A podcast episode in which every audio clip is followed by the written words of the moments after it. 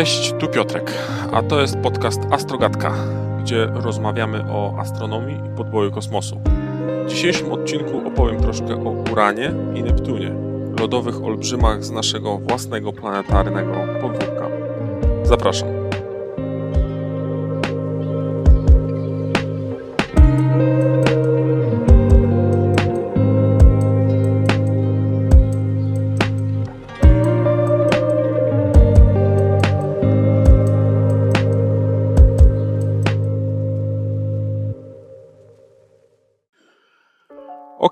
Zacznijmy może od newsów. E, Betelgeza. Okazuje się, że obrazy pogodowe mogą być przydatne jako dane astronomiczne. Betelgeza, jak wiecie, to czerwony nadolbrzym i najjaśniejsza gwiazda w Orionie. Kiedy pod koniec 2019 roku w tajemniczy sposób przygasła o ponad jedną magnitudo, astronomowie z całego świata skierowali na nią swoje teleskopy. Teorie na przyczynę takiego obniżenia jasności były dwie. Albo Betelgeza przygotowuje się do pierdyknięcia, e, albo pył astronomiczny przykrył jej powierzchnię, blokując część światła lecącego w kierunku Ziemi. Teleskopy z niemal całej Ziemi skierowały się na Betelgezę. Tak się złożyło, że przypadkiem dołączył do nich japoński satelita meteorologiczny Himawari 8.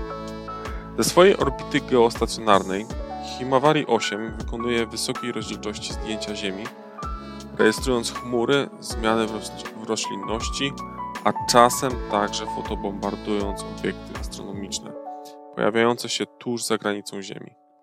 Dwóch studentów Uniwersytetu Tokijskiego, Daisuke Taniguchi i Shinsuke Uno, zainspirowanych tweetem ze zdjęciem Himawari 8 na którym przypadkowo uchwycono księżyc, zastanawiało się, czy mogliby wykorzystać archiwa satelity meteorologicznego do badań astronomicznych.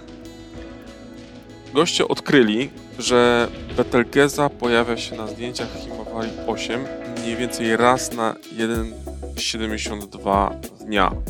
W tym przed, w trakcie i po enigmatycznym okresie jej przyćmiewania w latach 2019-2020. Co więcej, kamera Himawari 8 działa na średnich długościach fal podczerwonych, gdzie można dostrzec różnicę temperatur między chmurami a Ziemią.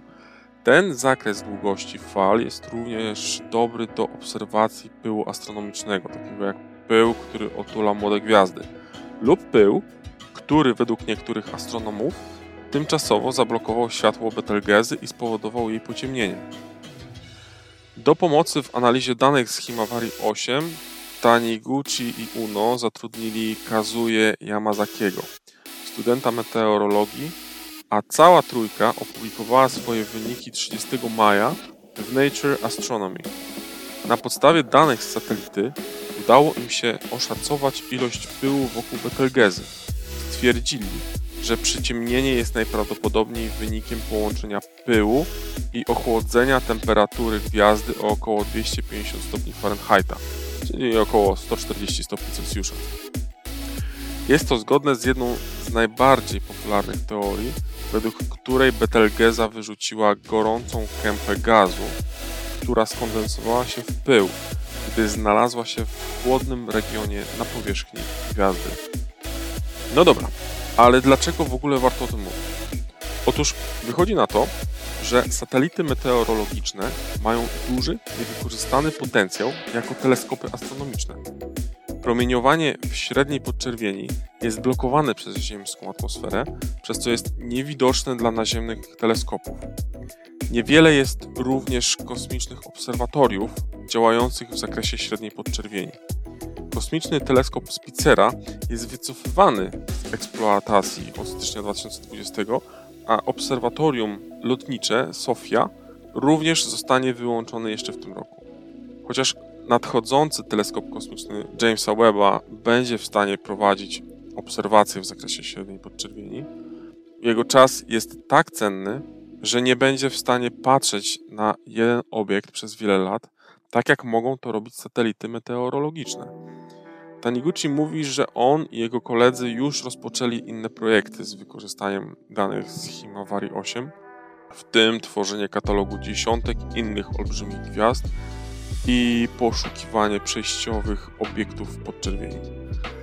Smutne jest tylko to, że na oglądanie supernowej jeszcze musimy poczekać. Ok, drugi, drugi news. Artemis 1. Eee, nie wiem, czy wiecie, ale e, NASA jakiś czas temu uruchomiła program Artemis i ma on stanowić wielki powrót NASA do eksploracji kosmosu przez człowieka. Wraz z partnerami komercyjnymi w ramach Artemis NASA chce ustanowić trwałą obecność na Księżycu, aby przygotować się do misji na Marsa. Inżynierowie w Centrum Kosmicznym NASA prowadzą ostatnie przygotowania do przyszłotygodniowego rozlokowania Space Launch System i statku kosmicznego Orion. E, dziś w nocy, e, czyli w nocy 6 czerwca, rakieta opuściła budynek montażu pojazdów i udała się na stanowisko startowe 39B, gdzie odbędzie się próba generalna Artemis 1. E, próba ta nazywa się Wet Dress Rehearsal. E, jak czytamy w komunikacie NASA, e, zespoły z powodzeniem zrealizowały wszystkie główne cele zaplanowane podczas poprzednich prób Wet Dress Rehearsal, a także niektóre prace zaplanowane wcześniej na okres po teście tankowania. Usunięcie ostatniego zestawu platform zostało zakończone, a transporter gąsienicowy znajduje się pod masywną rakietą, statkiem kosmicznym i ruchomą wyrzutnią. Start transportera zaplanowany był na minutę po północy czasu wschodniego 6 czerwca. Podróż na odległość 4 mil powinien zająć około 8 do 12 godzin. E, I tutaj update, bo nagrywałem e, ten odcinek e, jeszcze nie mając pewności, czy test się e, powiedzie. E, test się powiódł, e, rakieta dotarła na miejsce, cała podróż zajęła około 8 godzin, więc inżynierowie mogą przystąpić do testów. Tak więc inżynierowie podłączą rakietę i statek kosmiczny do systemów naziemnych i przeprowadzą testy kontrolne w ramach przygotowań do tankowania, które zaplanowano na około dwa tygodnie po powrocie rakiety na stanowisko startowe. E, na tą chwilę start rakiety zaplanowano na sierpień. Rakieta ma wynieść w przestrzeń kosmiczną kapsułę Orion, która została zaprojektowana do dalekich lotów załogowych w kosmos, takich jak na Księżyc czy Mars. Póki co sierpniowy start będzie bezzałogowy, a kapsuła poleci na Księżyc, okrąży go i wróci, miejmy nadzieję, na Ziemię. Pierwszy lot załogowy, czyli Artemis II, zaplanowane jest na przyszły rok. Lądowanie człowieka na Księżycu ma się odbyć w ramach misji Artemis III i jest zaplanowane na 2024 rok. Ok, ee, ostatni news na dzisiaj to jest e, o statku kosmi kosmicznym Shenzhou. Otóż statek kosmiczny Shenzhou 14 dotarł do modułu głównego Tiangong. Sorry, jeżeli źle to wymawiam, nie jestem ekspertem od chińskiego. Dotarł tam około 6 godzin po starcie. Chińska trzyosobowa misja Shenzhou 14 dotarła do Tianhe głównego modułu budowanej stacji Tiangong wczesnym rankiem w niedzielę 5 czerwca. Statek wystartował e, w Yongquan Satellite Launch Center na pustyni Gobi. E, kapsuła zadokowała do skierowanego w stronę Ziemi portu e, Tianhe przed 10 czasu Greenwich. Trzech członków załogi Shenzhou 14 ma spędzić około 6 miesięcy na pokładzie długiego na prawie 17 metrów statku Tianhe, który wystartował na niską orbitę okołoziemską w kwietniu 2021 roku. Jest to o tyle ważny news, że tym samym Chińczycy jawnie e, zadeklarowali swój stały pobyt w kosmosie na swojej własnej stacji kosmicznej.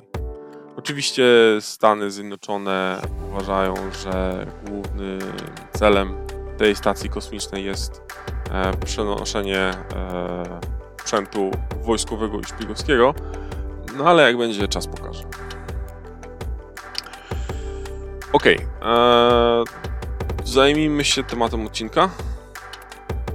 E, dzisiaj o Uranie i Neptunie.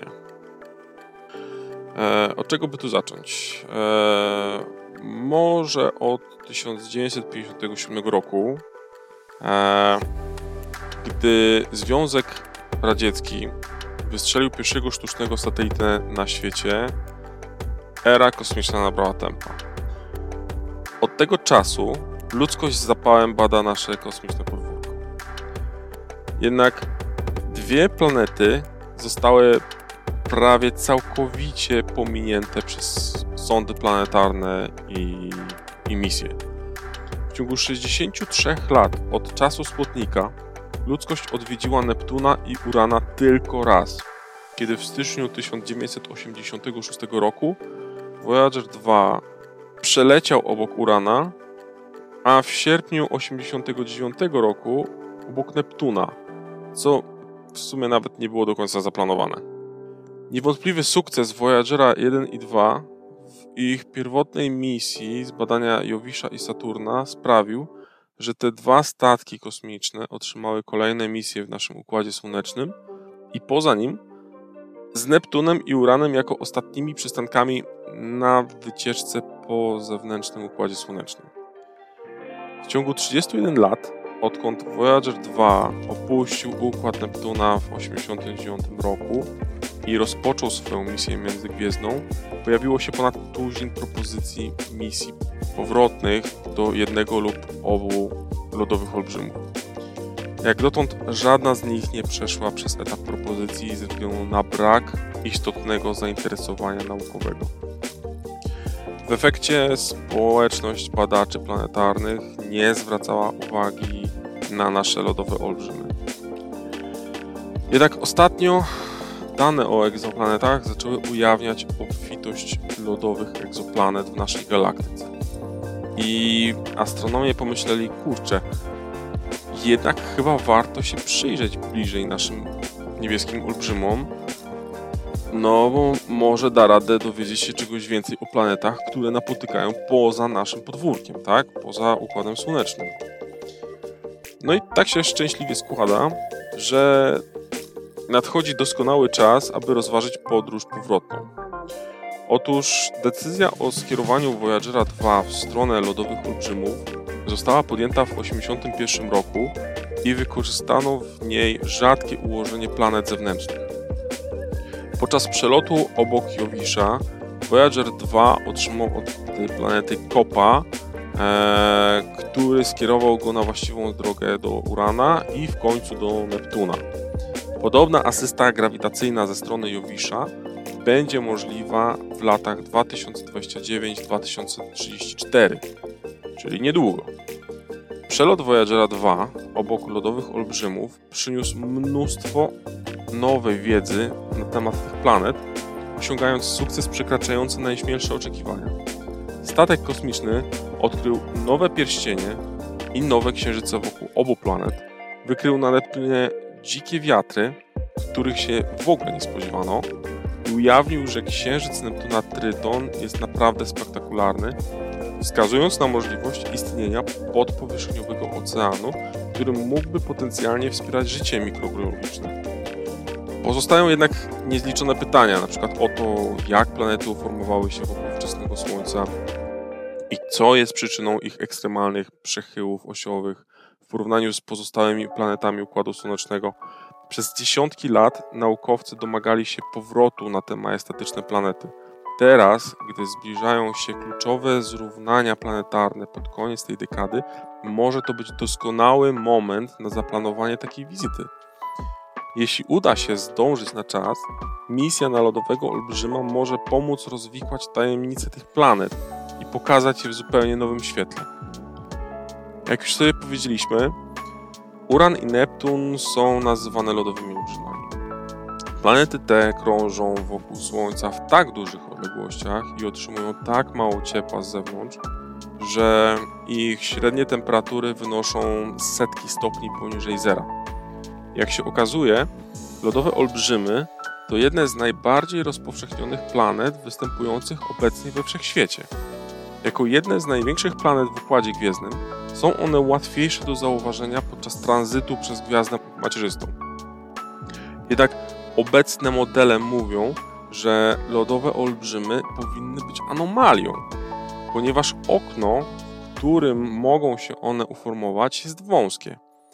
Mgławica słoneczna, chmura gazu i pyłu pozostała po uformowaniu się gwiazdy, z której rodzą się planety, musi być prawie całkowicie rozproszona, aby lodowe olbrzymy mogły wchłonąć dostępny gaz i lód. Muszą one również najpierw posiadać znaczne rdzenie, zanim będą mogły nabudowywać pozostały gaz lód. Ustalenie, jak i gdzie dokładnie uformowały się Neptun i Uran, może pomóc naukowcom lepiej zrozumieć, jak wiele lodowych olbrzymów czai się we wszechświecie. Symulacje komputerowe sugerują, że mała gęstość gazów i słaba grawitacja słoneczna w pierwotnym zewnętrznym układzie słonecznym bardzo utrudniłaby formowanie się lodowych olbrzymów w miejscach, w których znajdują się obecnie. I być może tak się nie stało. Podobnie jak Jowisz i Saturn, tak Uran i Neptun mogły uformować się bliżej wczesnego Słońca, a następnie w wyniku procesów grawitacyjnych ostatecznie przemieścić się na zewnątrz na swoje obecne pozycje. Ale to, jak się uformowały, nie jest jedynym dziwnym aspektem dotyczącym naszych lodowych olbrzymów. Otóż na przykład uran się toczy. Poważnie. Jest nachylony pod kątem 97,8 stopnia od pionu, większym niż jakakolwiek planeta z wyjątkiem Wenus. Obydwa bieguny Urana znajdują się w ciągłym świetle słonecznym przez 1 czwartą 84-letniej orbity. Obecne teorie sugerują, że jakiś inny duży planetozymal Planetozymale to takie małe ciała niebieskie, z których tworzą się planety. Planetozymale to takie małe grudki plasteliny, tak jakby, które zderzają się, zlepiają się ze sobą, tworząc planety. E, więc taki e, dość spory planetozymal mógł zadać cios, przewracając planetę na bok. Wyjaśniałoby to również inne zagadki, takie jak na przykład e, dziwne pole magnetyczne. Magnetosfery są zazwyczaj zgodne z ruchem obrotowym planety, ale magnetosfera Urana jest nachylona pod kątem 59 stopni względem osi obrotu planety i przesunięta względem jej środka o 1 trzecią promienia tej planety, przez co chwieje się w skomplikowany sposób, gdy Uran obraca się wokół własnej osi. Podobnie pole magnetyczne Neptuna jest nachylone pod kątem 47 stopni w stosunku do jego osi i odsunięte od środka planety o ponad połowę jej promienia. Magnetosfera Neptuna ma dziko wyglądający kształt korkociągu, gdy planeta się obraca. Naukowcy wciąż nie do końca rozumieją te anomalie. Wiadomo, że planetarne pola magnetyczne są generowane przez wewnętrzne dynamo lub przewodzące globalne oceany płaszcza. Jednak z biegunami magnetycznymi tak bardzo odchylonymi od środka, dokładna przyczyna powstawania magnetosfer Urana i Neptuna jest, no, podobnie jak ich formowanie, wciąż nieznana. Chociaż dziwne pola magnetyczne planet i ich niepewna formacja mogą sprawić, że naukowcy drapią się po głowach, kiedy Voyager 2 ujawnił pierwsze obrazy atmosfer tych ciał, zaparło im dech w piersiach. Ten cenny przelot ujawnił kilka ładnych, nieoczekiwanych zagadek dotyczących atmosfery i mechaniki wewnątrz, wewnętrznej obu planet. E, ich wierzchołki chmur należą do najzimniejszych miejsc w Układzie Słonecznym. minus 224 stopnie Celsjusza w przypadku Urana i około 218 stopni Celsjusza w przypadku Neptuna. Tylko powierzchnia Plutona jest chłodniejsza. Jednak mimo, że otrzymuje tak mało światła od Słońca, na Neptunie jest pogoda. W 1989 roku Voyager 2 zarejestrował wiatry w pobliżu dziwnej, niewidzianej wcześniej ciemnej plany na Neptunie, osiągające prędkość ponad 1600 km na godzinę. To są najsilniejsze ze wszystkich w Układzie Słonecznym. Plama ta, nazwana Wielką Ciemną Plamą, była potężną, wirującą burzą wielkości Ziemi. Od czasu jej odkrycia burza zanikała, ale w innych miejscach planety pojawiały się nowe. Badając te ciemne plamy, naukowcy mogą znaleźć okno do dolnej atmosfery Neptuna. Atmosfery obu lodowych olbrzymów składają się głównie z wodoru i helu, z niewielką domeszką metanu. Jednak to właśnie metan nadaje uranowi piękny akwamarynowy kolor, ponieważ metan pochłania czerwone światło. E, z kolei Neptun jest bardziej żywy, niebieski. E, wprawdzie metan ma w tym swój udział, e, jednak główną przyczyną tak intensywnego błękitu jest prawdopodobnie inny składnik elementarny, ale na razie nie wiadomo dokładnie który. Pod atmosferami obu planet płaszcze to w większości super gorące, wysokociśnieniowe globalne oceany wody, amoniaku i metanu. Zasadniczo płynnych przewodników elektrycznych. Wewnątrz ich płaszcza może istnieć głęboka warstwa, w której woda jest rozkładana na zupę jonów, wodoru i tlenu. Tysiące mil pod ich powierzchnią ciśnienie jest tak duże, że metan rozpada się i utwardza swój związek węgla w kryształy diamentu, które opadają do rdzeni tych planet. Tak więc zjawisko deszczu diamentów jest tam prawdopodobnie dość powszechne. Stałe jądro obu planet zbudowane jest z żelaza, niklu i trzymianu. E, Neptun ma masę około 17 razy większą od masy Ziemi, a jego jądro waży zaledwie 1,2 masy Ziemi. Jądro Urana jest niewielkie. Ma masę nieco ponad połowę masy Ziemi, podczas gdy całkowita masa planety wynosi około 14 mas Ziemi. O ile wszystkie te fakty są dobrze znane, o tyle wewnętrzne ciepło obu planet stanowi o wiele większe wyzwanie. Uran prawie w ogóle nie emituje ciepła w porównaniu z innymi planetami Układu Słonecznego. Z kolei Neptun, mimo że znajduje się 10 astro jednostek astronomicznych za Uranem, gdzie jedna jednostka astronomiczna to średnia odległość Ziemi od Słońca, wypromieniowuje ponad 2,5 raza więcej energii niż otrzymuje od Słońca. Wyjaśnienie tego zjawiska może być związane z dawnym uderzeniem protoplanety, które wyrzuciło większość ciepła z Urana. Jednak astronomowie wciąż nie wiedzą, czy wewnętrzne ciepło wydzielane przez Neptuna lub Urana zmienia się sezonowo. Kolejna wizyta sondy kosmicznej no, mogłaby dostarczyć więcej danych. Kiedy Voyager 2 przelatywał obok Urana i Neptuna, nie tylko rzucił światło na te lodowe światy, ale także dał nam pierwsze spojrzenie na ich pierścienie. Jak wszystkie olbrzymie planety w naszym układzie słonecznym, Neptun i Uran są otoczone pierścieniami. W 1977 roku James L. Elliot odkrył pięć pierścieni Urana, co było pierwszym odkryciem wokół planety innej niż Saturn. Dalsze obserwacje z Ziemi ujawniły cztery kolejne, a gdy w 1986 roku do planety dotarł Voyager 2, odkryto dziesiąty pierścień. W sumie planetę okrąża 13 znanych pierścieni, e, różniących się zarówno grubością, jak i przezroczystością. Większość pierścieni zbudowana jest z cząstek o średnicy od 20 cm do 20 metrów.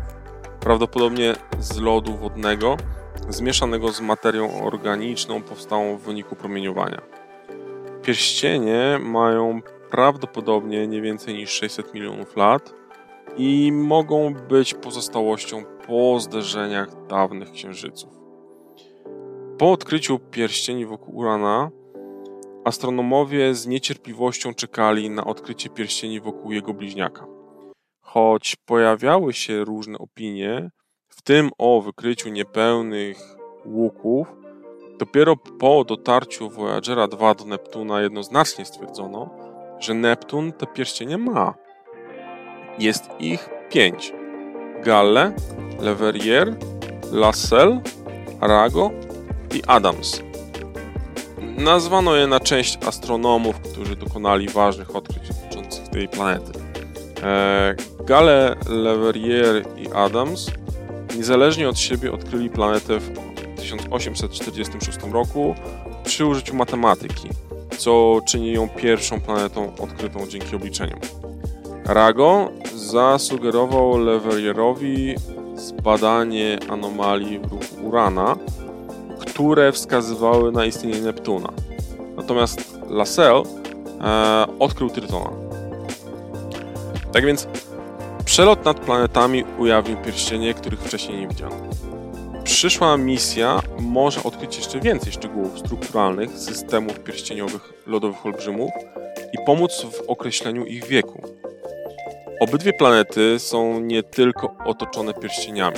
Zarówno Neptuna, jak i Urana okrąża wiele księżyców, a jeden z nich może dać naukowcom powód do powrotu do lodowych olbrzymów.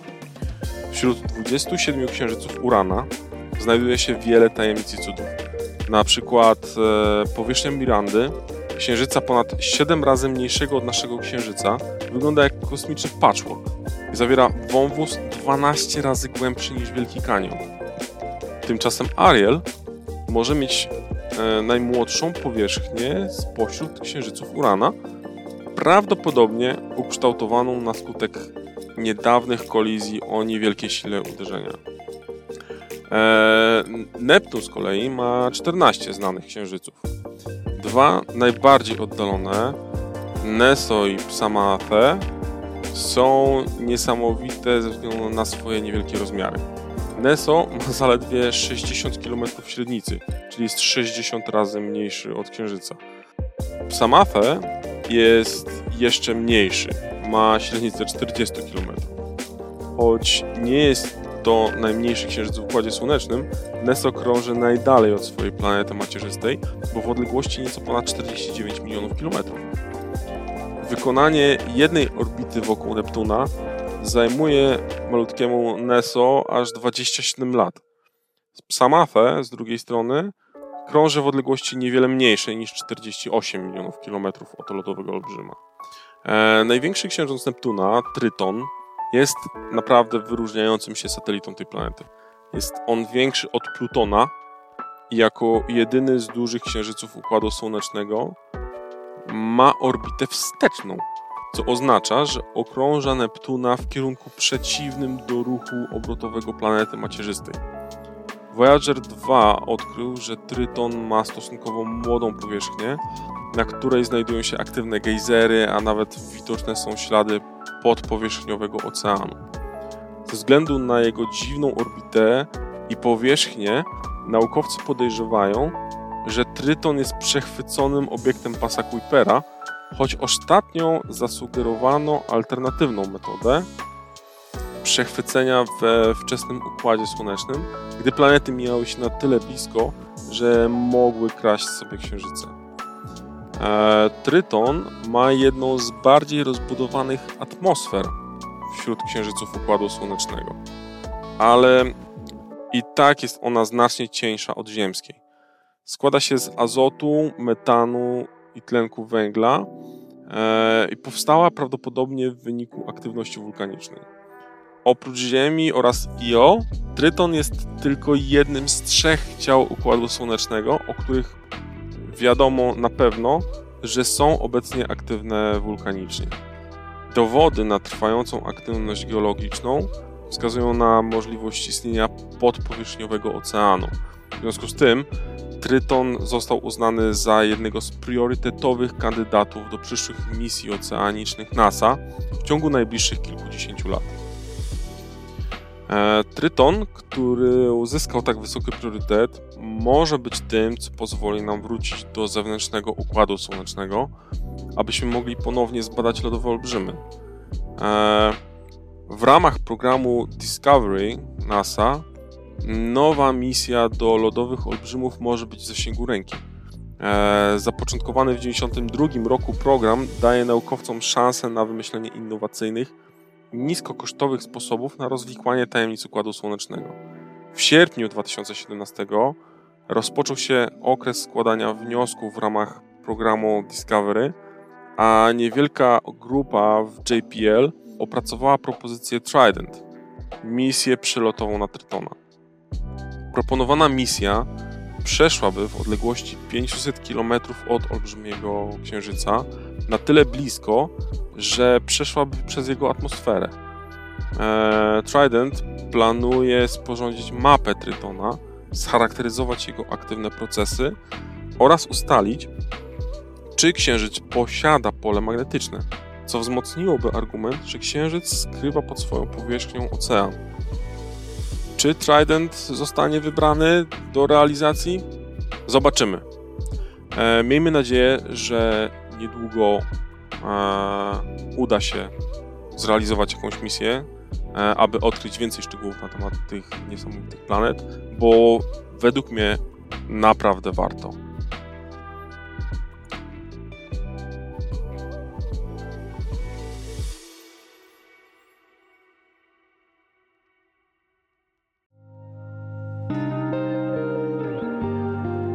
To już wszystko na dziś. E, dziękuję Wam za uwagę. Mam na imię Piotrek, a to był podcast Astrogatka. Cześć.